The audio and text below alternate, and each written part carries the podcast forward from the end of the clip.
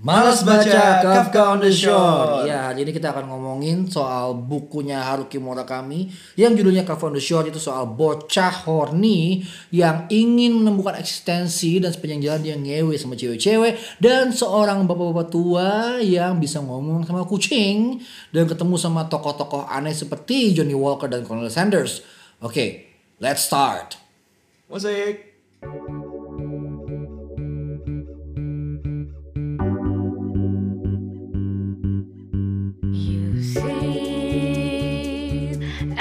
Edge of the world, I am in a creature that is no more. Words without letters,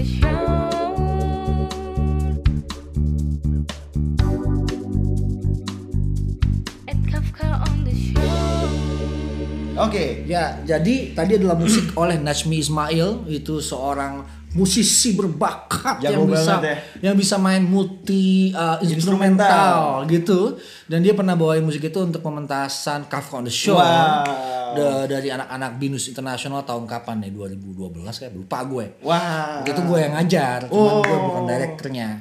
Anyway, keren banget sih waktu itu pentasnya. Anyway, kita ngomongin uh, buku ini, buku Kafka on the Shore. Uh, dan seperti biasa ya, Malas Baca adalah sebuah uh, podcast untuk orang-orang yang malas, Malas baca. membaca tapi ingin kelihatan pintar. Dan keren. dan keren. Dan kalau lo nggak bisa ngomongin Murakami lo tuh susah untuk kelihatan keren lah dari gini. Apalagi kalau pengen jadi hipster kan. Kayak fuck man lu gimana caranya? Kayak lo udah udah udah punya kamera GH5 atau atau 5D Mark 4 gitu kan. Cuman ketika lo na- orang nanya lo baca apa? Terus lo cuma jawab Trelie gitu kan. Susah. Minimal lo baca Murakami gitu. Murakami, jadi uh, jago banget, uh, uh, ya, dan taste taste musik lo juga bisa. Dengan lo ngomong lo baca Murakami tuh lo seakan-akan orang tuh tahu langsung oh taste musik lo tinggi. Lah hubungannya langsung dianggap tinggi gitu karena ya karena dalam semua novelnya ada musik-musik keren gitu bro. Ada Beethoven. Ah, musik klasik Schubert gitu kan terus ada juga nih. jazz-jazz gitu kan. Secara dia untuk bikin novel aja kan ah, sampai jual cafe jazznya gitu. Iya iya, wah gue quit jual cafe jazz eh, gue quit gue pengen bikin novel gue jual semua. Terus gue bikin novel yang kagak laku judulnya apa gitu Wih gila iya bikin novel gak laku judulnya apa ya? Gue lupa atau something something tuh gue lupa. Anyway jadi kita akan ngomongin em, sebuah fiksi ini ini kayak fiksi pertama yang kita ngomongin Eh, dan seperti janji kemarin ya kita juga akan ada bintang tamu hari ini. Bintang tamu kita eh, adalah seekor. Seekor kucing. Kucing. Nah ini kita ambil langsung dari novelnya ya. iya. Jadi kita punya kebetulan yang baca juga bisa ngomong sama kucing. Jadi ntar kucing yang ngomong bakal ditranslate nih. Jadi kalian nggak perlu bingung mau kucingnya ngomong Iya, apa iya, sih. iya. Eh, yuk coba kenalan dulu. Halo Pus Pus ini Pus Pus. Coba, coba. Siapa namanya Pus? Oh. Siapa namanya tadi? Coba gimana gimana? Oh, Dia ngomong apa tuh? enggak dia bilang namanya namanya Mimi. Oh, Mimi, ayo Mimi. Iya, namanya Mimi. Terus dia em, suka musik klasik, Bro. Wow. Mimi. Kalah sama kucing iya, iya gimana lagi, Mi? Oh, iya iya. Jadi Mimi ini eh, dia berperan juga kan di novel ini sebagai kucing yang dibunuh dan disiksa. Saya masih hidup. Iya, di novel kan mati, tapi di Oh sini iya, kan iya, iya kan cuma play ya, Mi ya. Oh iya Mi. Iya apa? Hah? Bayar? Aduh Mi, kita nggak bisa bayar. Podcast kita belum bayar. ya, ya, ya, kabur. ya cabut, ya kabur, anjing, Mi, Mi, anjing. Mi. Ya. Ya begitulah pemirsa kita butuh eh, sponsor. Iya. Jadi kalau nggak kita nggak bisa dapat bintang tamu kayak gitu. Anyway, udahlah Mimi biarin aja nanti kita wawancara lagi. Memang dia tuh kucing yang sangat punya harga diri tinggi ya, kucing siam soalnya. Dan dia salah, iya kucing siam dia dia salah satu tokoh utama loh di di novel Terus kita undang gitu dikira kayak Dikira dia bakal dapet Iya. apaan Ternyata kita makanan kucing aja Makanan kucing yang kering-kering gitu dia nggak Iya. suka Dia pengennya mahal-mahal Minimal ya royal-royal lah buat Iya, dia tuh kan royal. Secara dia sukanya balet sama musik klasik Ngaco deh kucing-kucing zaman sekarang Mimi, Mimi. Aduh Mimi Mimi Mana dia? Susah lagi gue gak bisa grab by the pussy Anyway Yuk kita ngomongin ini nih Jadi kenapa lu mesti baca sih buku ini? Kenapa sih mesti baca Kafka on the Shore Biar gitu? keren kan, biar kayak- Iya, pertama lo keren kan? Iya, keren kan. Karena apalagi kalau lo, lo dari judulnya udah ketahuan kan Kafka on the shore. Dia kayak Ada kata. Kafkanya gitu. Seakan-akan kalau lo baca Murakami yang Kafka on the shore udah baca kayak udah baca Kafka gitu. Iya. Iya. Padahal di bukunya nggak ada hubungannya sama Kafka. gitu. Kagak ada. Namanya Kafka on the Shore. Kalau Kafkaes gitu kan kalau baca Iya. Kafka kan ada istilah Kafkaes tuh. Kafkaes itu kan artinya kan kayak lo terjebak dalam sebuah struktur birokrasi. Di mana di sistem kapitalisme ini lo kayak tiap hari ngulang-ngulang eh, kerjaan bangun mandi kerja susah untuk naik turun dan mempunyai eksistensi diri gitu kan. Kafkaes kan kayak gitu sebenarnya Iya, kan. itu konsep Kafka tentang dunia gloomy dunia modern yang gloomy gitu. Yang terjebak sama birokrasi gitu sama kayak di misalnya kalau kita keluar dikit dari novelnya Murakami kita lihat buku Kafka yang terkenal banget tuh Metamorphosis Wah, iya. yang soal jadi orang orang jadi kecoa Ntar kita bahas tuh. Nah, tapi semangat tapi semangatnya kira-kira begitu lah anehnya ya. Kalau di metamorfosis orang jadi kecoa ini kucing bisa ngomong. Nah, Tapi bisa ngomong beneran. iya, iya. Jadi eh, apa namanya ceritanya sih sesimpel ada cowok remaja yang baru balik namanya Baru Kafka. balik. Oh. Iya, dia baru balik baru baru ngecerita baru mimpi dia. Baru mimpi, baru- namanya Kafka Tamura. Terus eh ya kita tahu lah kalau dia ini adalah ya eh, semacam tribute ya untuk untuk untuk Franz Kafka ya. Oh, ini tribute, Tribute, untuk Friends. iya, Tapi nggak ada hubungannya sama sekali. nggak ada sih sebenarnya menurut gua. Tribute aja. Tribute aja bahwa Tribute oke. Jadi sebenarnya lo lo juga kalau pengen jadi penulis keren gitu ya. Let's say lo sebenarnya nggak baca nih. Lo nggak baca gitu. lo nggak baca Nietzsche gitu ya. Tapi lo pengen orang ngeliatnya lo, bikin tribute buat Nietzsche gitu. Nietzsche on the shore. Nietzsche, jangan Nietzsche on the mosque gitu kan. Misalnya Nietzsche, Nietzsche di tempat apa di pikiran lo tuh lo bikin ngarang santri namanya Nietzsche gitu. you know you never know gitu. Lo gak usah baca Nietzsche juga nggak ada hubungan juga nggak apa-apa. Iya. Lo pakai nama Nietzsche gitu. Tapi jangan salah tulis ya soalnya susah tulisnya. Nietzsche. Nih nih N I E T ZCH. S Z C H apa Z Z Z dulu Z dulu banyak Z balik. dulu ya. Nietzsche gitu. Anyway, ya udah kita jadi Kafka ini galau di rumahnya dia tuh anak orang kaya gitu deh. Uh, seniman bokapnya namanya Koichi. Kuichi. Koichi. Koichi. Koichi Tamura. Terus nyokap sama saudaranya, saudara perempuannya dia tuh punya nyokap punya saudara perempuan yang kabur dari rumah udah karena waktu dia umur 4 tahun gitu ya. Jadi dia nggak tahu di mana nyokapnya, dia nggak tahu di mana saudara perempuannya. Tiba kabur aja gitu. Iya udah nggak ada gitu. Terus dia juga eh lo kalau pernah nonton Adventure Time ya itu kan ada Oh, Jake iya. sama Finn kan. Nah kalau di sini ada Kafka sama Crow. Oh ini dia. Crow tuh kayak super ego atau apa apa namanya alter ego dia gitu yang bentuknya kayak gagak gitu kan. Terus eh, apa namanya dan sepanjang sepanjang perjalanan itu si Crow yang selalu bilang kalau Kafka itu eh, harus jadi eh, cowok 15 tahun paling keren dan paling tough sedunia gitu. Oh, supaya dia kuat gitu loh. Didorong-dorong terus si Kafka tuh. Ayo dong iya. bro, ayo dong bro gitu. Iya, iya. Jadi ada dua plot nih, ada plot Oh. ganjil sama plot genap. Plot ganjil tuh ngomongin Kafka. di, apa, di, di Bapak Begajo itu Kafka semua. Jadi bagaimana Kafka itu kabur dari rumah, ketemu cewek gitu ya. Terus eh, apa yang yang awalnya ketemu di bus, terus habis itu ketemu lagi terus MKML, terus ketemu sama ibu-ibu yang eh, punya perpustakaan gitu, habis itu eh, mimpi ML jadi anyway ML, ML. Kayak Casanova gitu tapi dia ML tapi eh, eh, ya antara bener dan enggak lah ya karena bukunya sebenarnya dibikin ngawang-ngawang gitu. Wih, di, di, di, di, gitu. Ah, itu plot ganjil. Ya, ah, ah. Terus eh, eh, apa namanya eh, sama ibunya pun juga dalam sebuah apa namanya lukisan gitulah. Jadi dia bisa ngeliat lukisan eh, jadi ibunya tuh kita nggak jelas nih ini ibunya apa bukan. Waduh, duh, jadi plotnya tuh dia jalan ketemu sama cewek yang kayak kakaknya tapi bukan kakaknya. Habis itu ketemu sama perempuan lain yang kayak ibunya tapi bukan ibunya. Di mana di dua-dua perempuan ini dia eh, menghayalkan atau eh, mengalami semacam apa ya mimpi lah mimpi apa ya Mimpi basah. bukan- mimpi basah atau apa sih namanya mimpi mimpi apa sih namanya lucid gitu loh Oh, mimpi lucid dream. Eh, eh, lucid bukan mimpi basah bukan dong. mimpi tapi mimpi basah di lucid dream ya Lucid dream basah. Heeh, apa Wih, kacau banget, kacau banget. anyway Kacau. Lucid dream. jadi ya gitu ya di, di, di, di ending sih apa namanya eh, Kafka nih eh eh, berhasil sebenarnya misinya kayak Oedipus kompleks gitu loh. Dia berhasil ML sama eh, ibunya Yang yang, kita nggak yang yang yang kita nggak tahu kayaknya ibunya. Dan dia berhasil secara simbolik seperti membunuh bapaknya. Secara simbolik membunuh bapaknya terus ngewe, apa ngewe iya, sama karena dia suatu hari dia pernah dia bangun di taman dengan tangan berdarah-darah seperti habis membunuh orang. Dia nggak tahu siapa yang dibunuh.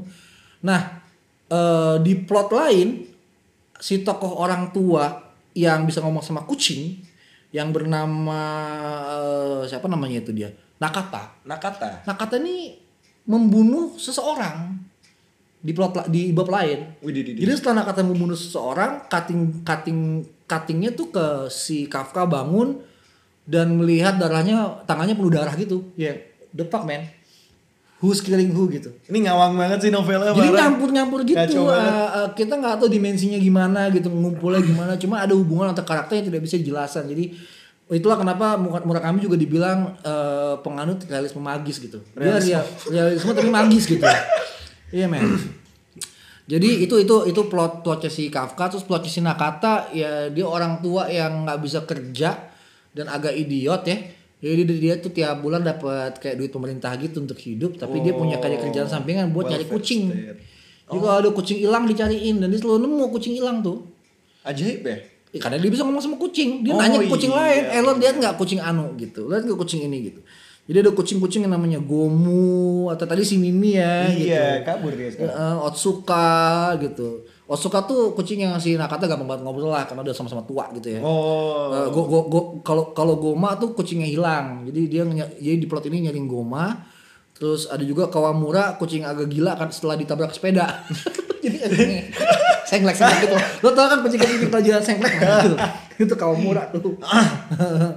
Eh, habis itu ada Okawa sama ada Toro gitu. Cuman cuman ya eh, kucing-kucing ini em, adalah eh, tokoh-tokoh di dunia Nakata sebelum dia cabut dari Cabut. kota. Oh, i- Karena dia dia dia kabur setelah dia membunuh seorang pembunuh kucing yang namanya Johnny Walker. Wih, di, di, di, di. Jahat Jadi Johnny orang. Walker tuh ngebunuh-bunuhin kucing eh apa untuk mendapatkan kekuatan ajaib gitu lah. kekuatan ajaib. Yang kita sebenarnya nggak tahu apa Jadi sih itu ritual tuh dia tuh, Ritual bunuh-bunuh bunuh kucing. kucing. dan dia bilang sama Nakata kalau eh, lo pengen gue nggak bunuh kucing lo bunuh gue duluan. Akhirnya Wih, di, Nakata nggak tega, Nakata bunuh dia Nakata nggak tega sama kucing. sama kucing. Nah, jadi berani bunuh Johnny Walker. Mati tuh Johnny Walker. Mati.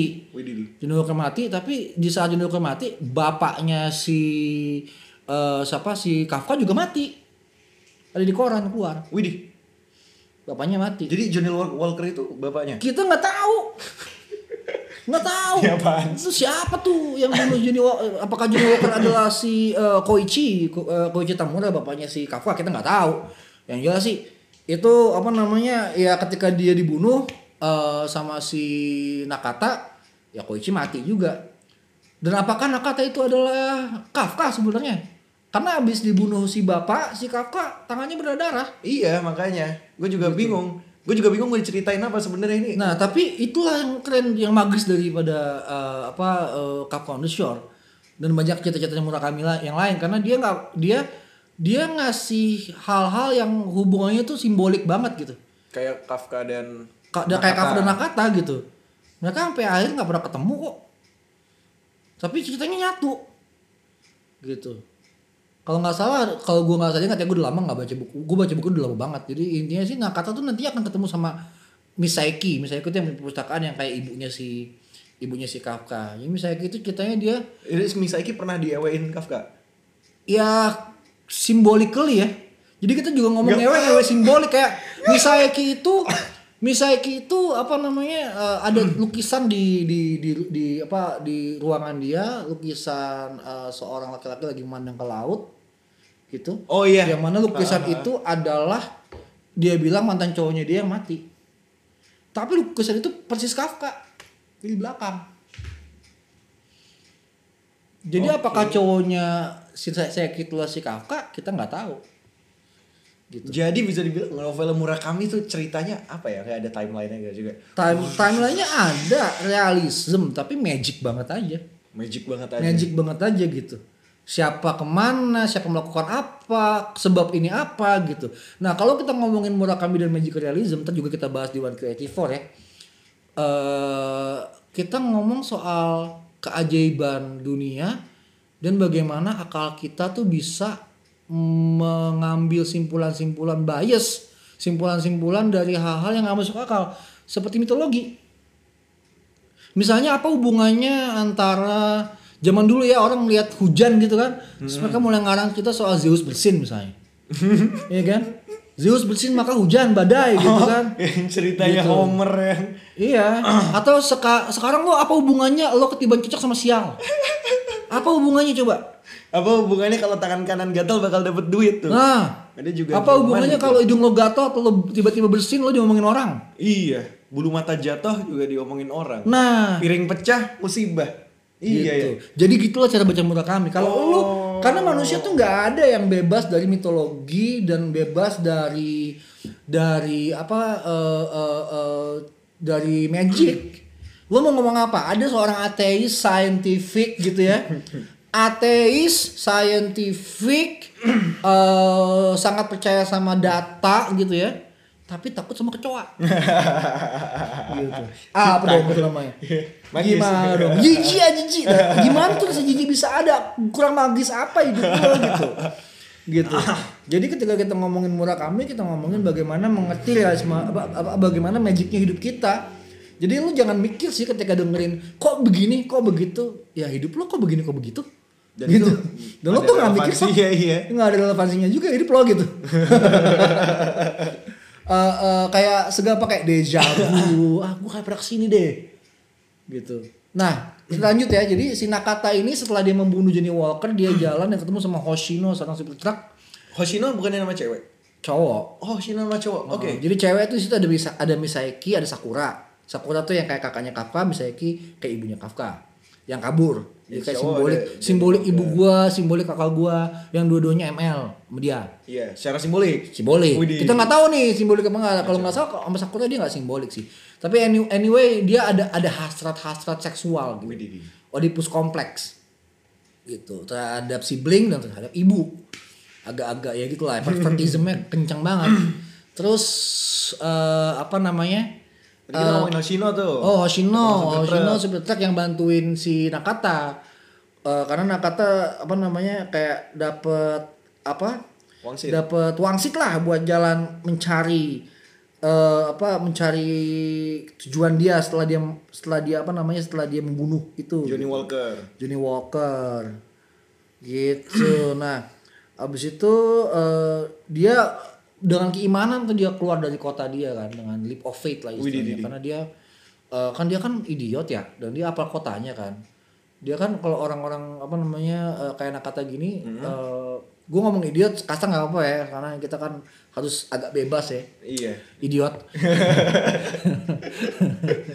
anyway dia dia keluar dari zona nyamannya untuk mencari eh, untuk un- untuk eh, apa namanya eh, mencari eksistensi dia juga mirip sama Kafka tapi bedanya dia kan takut dan dia merasa dia harus keluar dari situ. Itu nggak bisa baca peta dia apa namanya nggak bisa nggak tahu mau ke mana gitu. Jadi ya udah dia numpang aja tuh sama si Hoshino Hoshino mau ke mana ikut aja tuh. Sampai mereka ketemu sama seorang mucikari yang namanya? Colonel Sanders dengan ciri-ciri yang sama kayak Colonel Sanders KFC gitu kan. mau paha apa dada? paha apa dada nah exactly mau paha apa dada jualan ayam Aduh, dia jatuh jatuh. Anjir. Slow slow slow. jualan ayam ya Jadi gitu si Hoshino sama Nakata ketemu Colonel Sanders. iya terus deal dealan gitu loh Hoshino suka ngapain terus dikasih cewek gitu karena anak kan gak pengen cewek Pengennya kucing. pengennya kucing. Fetishnya kucing gitu. Eh apa em, jadi ya ya intinya sih buku ini penuh dengan referensi-referensi populer referensi filsafat musik gitu ya. Eh, populer itu dalam artian kata ya Colonel Sanders Johnny Johnny Walker itu kan populer semua kan. Jadi ya eh, ketika lu ngomongin buku ini ke orang men enaknya men lu nggak jelas juga nggak apa-apa Iya emang gak emang Karena gak bukunya jelas. juga nggak jelas Gue juga dari tadi ceritain bentar ini ya ngapain sih? Nah, tapi eh, banyak kalau lo eh, lo lo bisa kalau lo suka baca ya lo akan baca kritikus-kritikus ngomong macam-macam soal buku ini gitu soal hubungannya dengan Hegel Iya, yang bilang atau hubungannya dengan hubungannya Hegel. dengan Kafka atau hubungannya dengan apa gitu But I'm telling you man, dalam kehidupan nyata that's bullshit aja sih. Ya, kritik telah mati ya. Yo, Karena itu kita bikin malas baca.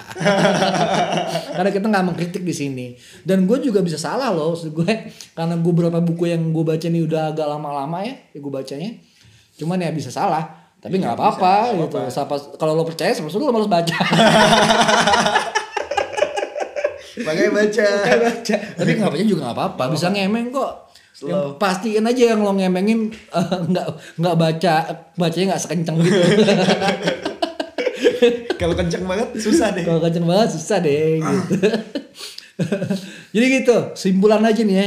Jadi Tapi di bukunya gak ada kesimpulan loh padahal. Apa? Di bukunya gak ada kesimpulan. tapi kita sebagai pembaca bisa nanya kesimpulan dong. Oh iya Setiap kali dong. kita ngebaca Siap. dong. Kayak misalnya pertama itu cara ngebaca buku ini lo jangan membaca dengan berharap penjelasan-penjelasan. Karena nggak ada penjelasannya. Kayak hidup ya. Kayak hidup nggak ada penjelasannya Waduh, gitu. Kenapa banget, lo lahir di sini? Kenapa mak lo bokap lo begitu? Kenapa muka lo jelek? gitu Kenapa kan. kita bikin podcast? Kenapa kita bikin podcast? Kenapa podcast kita begini? gitu kan? Gitu.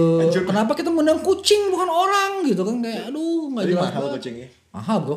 Gue datang dari Jepang itu. Jadi tadi tadi dia ngomong pakai bahasa kucing dalam bahasa kucing Jepang.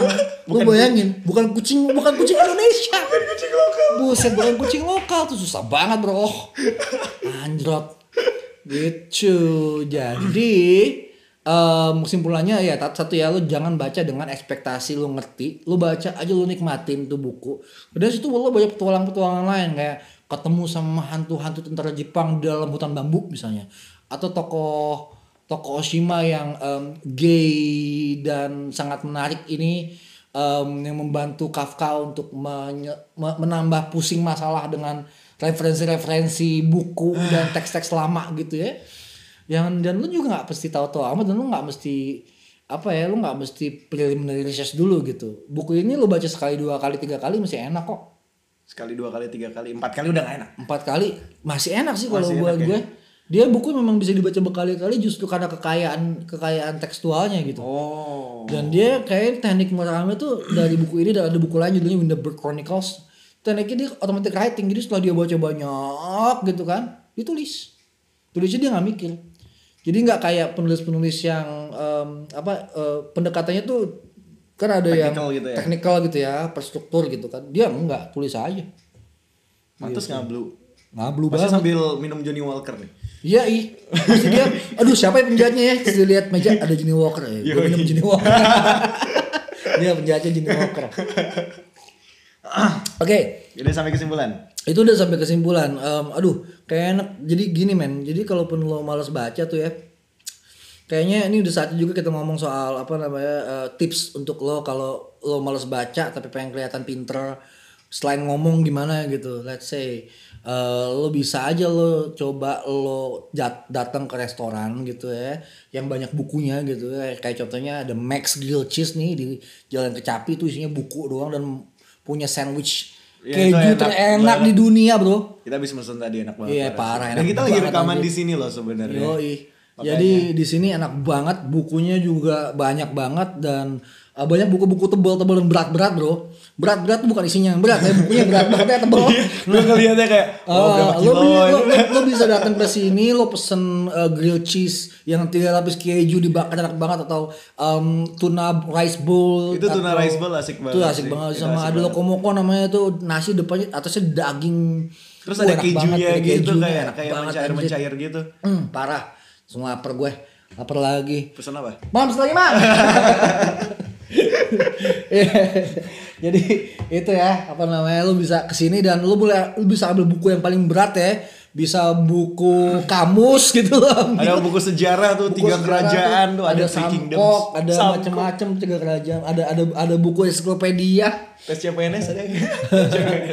rahasia lulus PNS gitu aduh nah lu lu ambil let's say lu nggak suka baca deh gitu jadi di tengah-tengah buku lu masukin handphone lo lu dengerin podcast kita sambil baca gitu sambil buat pura-pura baca lu makan grilled cheese lihat cewek-cewek di sini iya.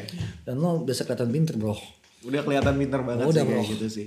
udah Diajak ngomong bisa ngomong. iya Baca kelihatan. baca kelihatan kan gitu dan eh, ya dengan keajaiban-keajaiban dunia lu bisa nyambung deh gitu Kami banget. kalau kalau cecek aja artinya sial apa artinya lu Oke. Oke. Ya gitu. Kita mau YouTube episode apa. Eh, kita tiga ya. episode 3 ini Ini YouTube. tiga ya? iya Wah, gue lost tiga. count nih parah. Iya. Minggu depan kita akan eh, ngomongin uh, Murakami lagi kayaknya asik ya. Tapi yang mungkin yang asik kita ngomongin apa? Kira-kira apa yang asik? Coba lo follow Instagram kita terus lo kasih komen tuh di bawah situ. Iya lo ya. mau kita ngomongin Murakami yang mana buat episode 4? Komen di bawah. Iya, nggak di bawah sih. Nanti di Nah, Instagram jadi maksudnya. Oke. di bawah. Thank you ya brother and sister pemalas baca semua. Oke, ya, sampai jumpa dan em, semoga em, Selamat sampai tujuan. selamat sampai tujuan. Iya, siapa tahu lagi di jalan kan. Heeh. Atau kalau misalnya tujuan lu mati ya ya udah selamat deh. Minimal lo udah, udah tahu kan udah baca gitu. Udah udah pura-pura baca. Bye. Assalamualaikum.